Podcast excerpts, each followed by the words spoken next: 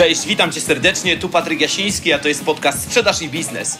Jeżeli chcesz rozwijać swoje umiejętności w zakresie sprzedaży, negocjacji, perswazji, profesjonalnej obsługi klienta, albo lubisz czasem posłuchać ciekawych ludzi ze świata sprzedaży i biznesu, których będę miał przyjemność gościć, to zdecydowanie jesteś w dobrym miejscu. Więc jak to mówi Andrzej Twarowski, siadamy głęboko w fotelach, zapinamy pasy i startujemy. Odcinek 14. 11 prostych kroków do zwiększenia sprzedaży. Zapraszam Was serdecznie. Witajcie serdecznie moi drodzy w 14 odcinku mojego podcastu solo. Dzisiaj będzie taki łatwy, lekki i przyjemny temat, chociaż w praktyce wygląda to naprawdę różnie, dlatego że dzisiaj chcę skupić się na takich 11 najprostszych z najprostszych zasad, dzięki którym możesz podnieść szybko i skutecznie swoją sprzedaż. Zebrałem ich 11, bo moim zdaniem te 11 takich zasad to jest patologia trochę na rynku sprzedaży. Wystarczy tylko, że będziemy unikać tych rzeczy albo zachowywać się właściwie we wskazanych sytuacjach i z automatu nasza sprzedaż poszybuje w górę. I teraz moi drodzy, nie przeciągając, lecimy konkretnie. Zasada pierwsza to zadbaj, żeby wszyscy w Twoim otoczeniu wiedzieli, czym się zajmujesz.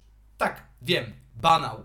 Natomiast tak obserwując sobie sprzedawców z boku, czy pracowników różnych sił sprzedaży, możemy zauważyć wyraźnie, że są tacy, jak ja to czasami sobie mówię, sprzedawcy ninja. Co oni nie chcą, żeby ktokolwiek w ich otoczeniu wiedział, czym oni się zajmują. Wiecie, poukrywane miejsce pracy, żadnej informacji o nich, żadnego takiego aktywnego, nazwałbym to social sellingu, chociaż wiadomo, że nie da się do tego ludzi zmusić, o tym zrobimy osobny odcinek podcastu, co można zrobić. Natomiast jest to zdecydowanie jeden z problemów, czyli osoby w naszym otoczeniu nie do końca wiedzą, czym my się zajmujemy, co my robimy. I gdyby tak spojrzeć prawdzie w oczy, to ja mam historię przynajmniej czterech, pięciu chyba nawet szkoleń, które wpadły mi tylko i wyłącznie dlatego, że osoba w otoczeniu moich znajomych wiedziała, czym ja się zajmuję. Czyli pojawił się tam jakiś taki temat, że a potrzebowałabym tam moich pracowników przeszkolić, czy potrzebowałaby, żeby ktoś spojrzał w nasz proces sprzedaży i było takie, ty, wiesz co, ja mam wśród swoich znajomych takiego Patryka, weź ty do niego zadzwoń, pogadajcie, może uda się coś z tego skleić. I tak jak mówię, jest to pierwsza i najprostsza zasada, w jaki sposób w ogóle wpływać na tych naszych potencjalnych klientów, w jaki sposób ich pozyskiwać. To, że ludzie będą zwyczajnie w świecie wiedzieli, czym my się zajmujemy, może być doskonałym źródłem pozyskania nowych klientów. Drugie, to dobrze sprofiluj swojego klienta. I o tym profilowaniu klienta ja wiem, że już powiedziano całą masę rzeczy. Ja nie chcę się tutaj specjalnie powielać, być może zrobię o tym kiedyś też osobny odcinek, jak prawidłowo profilować klienta. Natomiast no, kluczem do sukcesu w sprzedaży jest wiercenie się wokół osób, które mogą być naszymi klientami, a nie tym, którzy według naszych jakichś tam wyimaginowanych prognoz mogą tymi klientami być. Tu mógłbym przytoczyć całą masę przykładów, a, natomiast no, sytuacja jest jedna, sytuacja jest bardzo prosta. Dobrze profiluj swojego klienta. Ważne, żebyś wiedział, do jakiego klienta chcesz trafiać. Ja na co dzień obracam się wśród klientów, którzy jedni obsługują klienta bardzo masowego, inni z kolei bardzo luksusowego. Jeszcze inni mają klienta z konkretnym problemem i oni mu to rozwiązanie niosą, więc dobre profilowanie klienta pomaga nam nie kręcić się wokół klientów, którzy z różnych powodów naszymi klientami nie będą. Trzecie, to jest moje ulubione, czyli odzwaniaj maksymalnie szybko. Ja nie wiem, ile jeszcze czasu będę musiał o tym gadać. Ostatnio taka sytuacja, jestem w jednej firmie, rozmawiam sobie tam z handlowcami i mówię, no dobra, moi drodzy, a po jakim czasie od wpłynięcia lida wy odzwaniacie do klienta? No i usłyszałem maksymal, te, takie magiczne, wiesz co? No tak do trzech dni. to dosyć prosta sprzedaż produktów, e, takich bardzo prostych bym powiedział, więc ja mówię, no ale a co ci zajmuje trzy dni, że ty tak, tak długo potrzebujesz, tak wiele czasu potrzebujesz, żeby tego klienta oddzwonić? Nie, no wiesz, no bo to, to jest tak do trzech dni, ale kiedy faktycznie sprawdziliśmy, to faktycznie to były trzy dni od momentu wpłynięcia LIDA do naszego systemu. Ja zawsze będę wyznawcą zasady, że jeżeli szybkość może być moją jedyną przewagą rynkową, to ja chcę mieć ją po swojej stronie, więc uważam, że 24 godziny to już jest maks maksów, po jakim ty możesz oddzwonić do klienta. Natomiast szedłbym tutaj, żeby było to maksymalnie szybko, jak się tylko da. Cztery, kiedy tylko możesz, to oddzwaniaj, czyli nawet kiedy wpływa Ci zapytanie mailowe, postaraj się do klienta zadzwonić, do, dowiedzieć się, czego on konkretnie potrzebuje, jak Ty możesz mu pomóc i tak dalej, dlatego że klient mając do wyboru kilka firm i nie mając kontaktu z żadną z tych firm, paradoksalnie może nie wiedzieć, z czego wynika na przykład różnica w cenie, a jeżeli dostanie tylko ofertę na maila na przykład, bo wysłał zapytanie mailowe, no to jaki on ma punkt odniesienia? No żaden, więc ja zawsze będę wyznawcą zasady, że jeżeli wpływa mi zapytanie, to pierwsze co robię, to łapię za słuchawę i dzwonię do klienta, bo doskonale zdaję sobie sprawę z tego, że moja konkurencja może do niego nie zadzwonić, a jeżeli to może być jakaś tam moja mała przewaga, no to znowu chcę ją mieć po swojej stronie. Piątka, dobra jakość obsługi zawsze wygra z umiejętnościami sprzedażowymi. I mnie to fascynuje, że my, wiecie, mega się skupiamy na tym, jak sprzedawać, jakich technik używać jakich tam kiedyś usłyszałem socjotechnik użyć. Ludzie, wystarczy czasami po prostu normalnie w świecie obsługiwać tego klienta tak, jak sami chcemy być obsłużeni. Szóste, nie bój się czasem odsyłać do konkurencji. I to jest takie, takie fajne zagadnienie, bo ja bardzo lubię w sytuacji, w której nie czuję się mocny, nie czuję tematu, nie czuję danego klienta. Lubię po prostu tych klientów najzwyczajniej w świecie odsyłać do mojej konkurencji. Ktoś powie, no to jaka to dla Ciebie konkurencja, skoro Ty odsyłasz? No nie, no dlatego mówię, że to moja potencjalna konkurencja. Słuchaj, słuchajcie, my nie musimy być od wszystkiego. Więc jeżeli nie czujesz tematu, nie możesz zapewnić klientowi jakiejś tam satysfakcjonującej jego usługi, o tego słowa szukałem, to nie bój się odesłać do konkurencji. Punkt siódmy, prowadź klienta w procesie sprzedaży. Ja już o tym też się nagadałem całą masę, natomiast no całą masę handlowców znam, którzy nawet nie do końca wiedzą, co się dzieje z klientem na danym etapie. Jeżeli ta oferta jest, jak to modnie się nazywa, jest w zarządzie, to co się w tym zarządzie dzieje? Czy ten zarząd w ogóle zastanawia się, czy chcą skorzystać z naszej propozycji, czy z kolei z innej strony zarząd ma kilka opcji na stole i zastanawia się, którą wybrać, czy zarząd w ogóle rozważa to, że, czy w ogóle chcą z danej usługi skorzystać. To są trzy odpowiedzi na pytanie, co się dzieje z klientem w zarządzie i o którą z nich chodzi. Także zawsze kontroluj proces sprzedaży.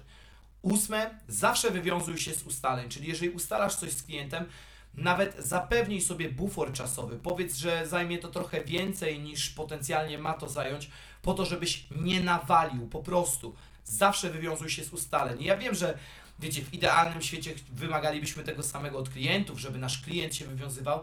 Natomiast pamiętajmy, że klient chce kupić, ale to my nade wszystko chcemy sprzedać, więc ja zawsze chciałbym mieć gwarancję, że zrobiłem wszystko, co mogłem. Po prostu. To, co mogłem, to zrobiłem. No dbaj o zwiększenie zamówień, punkt dziewiąty, przez chociażby Customer Lifetime Value, czyli wartość życiową klienta, czyli zastanawiaj się, co jeszcze możesz dla danego klienta zrobić, bo często problem leży tutaj, że my, ok, klienta pozyskujemy, ale nie pracujemy aktywnie na tym kliencie. Czasem okazuje się, że klient zamawia u nas tylko jakąś wąską ilość albo jakiś jeden rodzaj towaru, a moglibyśmy zapewnić mu dużo więcej, więc zawsze dbajcie o zwiększanie zamówień. Punkt dziesiąty to jest kontaktuj się z klientem nie tylko wtedy, gdy chcesz robić targu.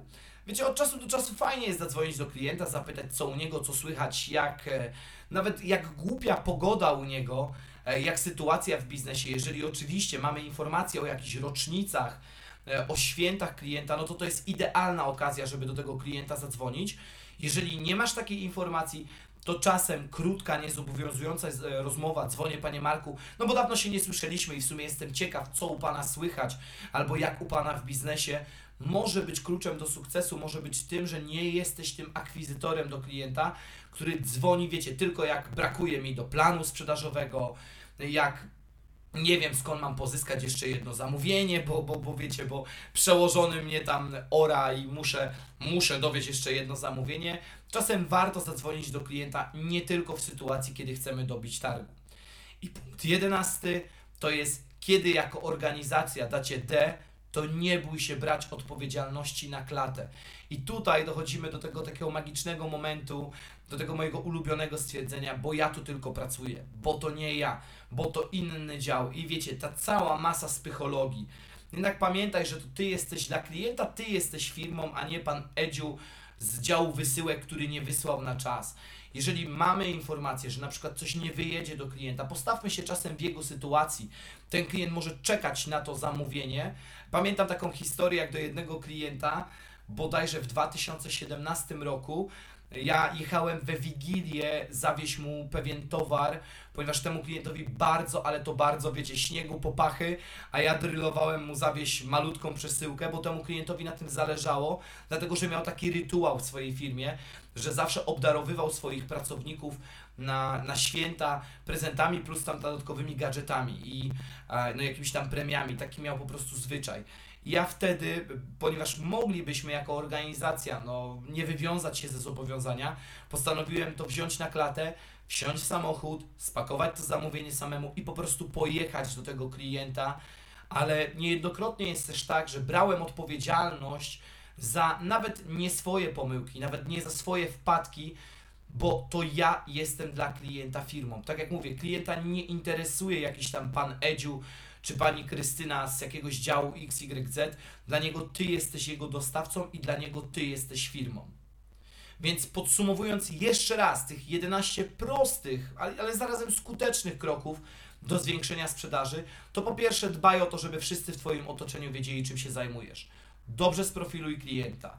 Odzwaniaj maksymalnie szybko. Kiedy tylko możesz, to dzwoń do klienta. Dobra jakość obsługi zawsze wygra z umiejętnościami sprzedażowymi.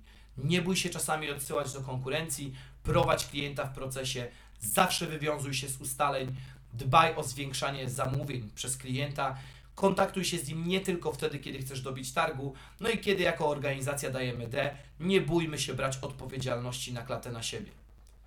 I to takie moje 11 prostych, sprawdzonych trików, które mogą z automatu podnieść naszą sprzedaż. I trochę jestem ciekaw Waszego zdania. Czy coś byście dodali do tej listy? Chodzi mi o taką bardzo prostą listę, o takich rzeczach, o których my często zapominamy. Jeżeli macie jakieś swoje rzeczy, proszę, dodajcie je w komentarzu, dajcie pod jakimś postem moim. Będzie mi niezmiernie miło, jeżeli ten odcinek Was w jakikolwiek sposób zainspirował, to standardowo dajcie jakąś łapkę, dajcie polecenie, udostępnijcie ten podcast. Niech on też rośnie w jakiś sposób.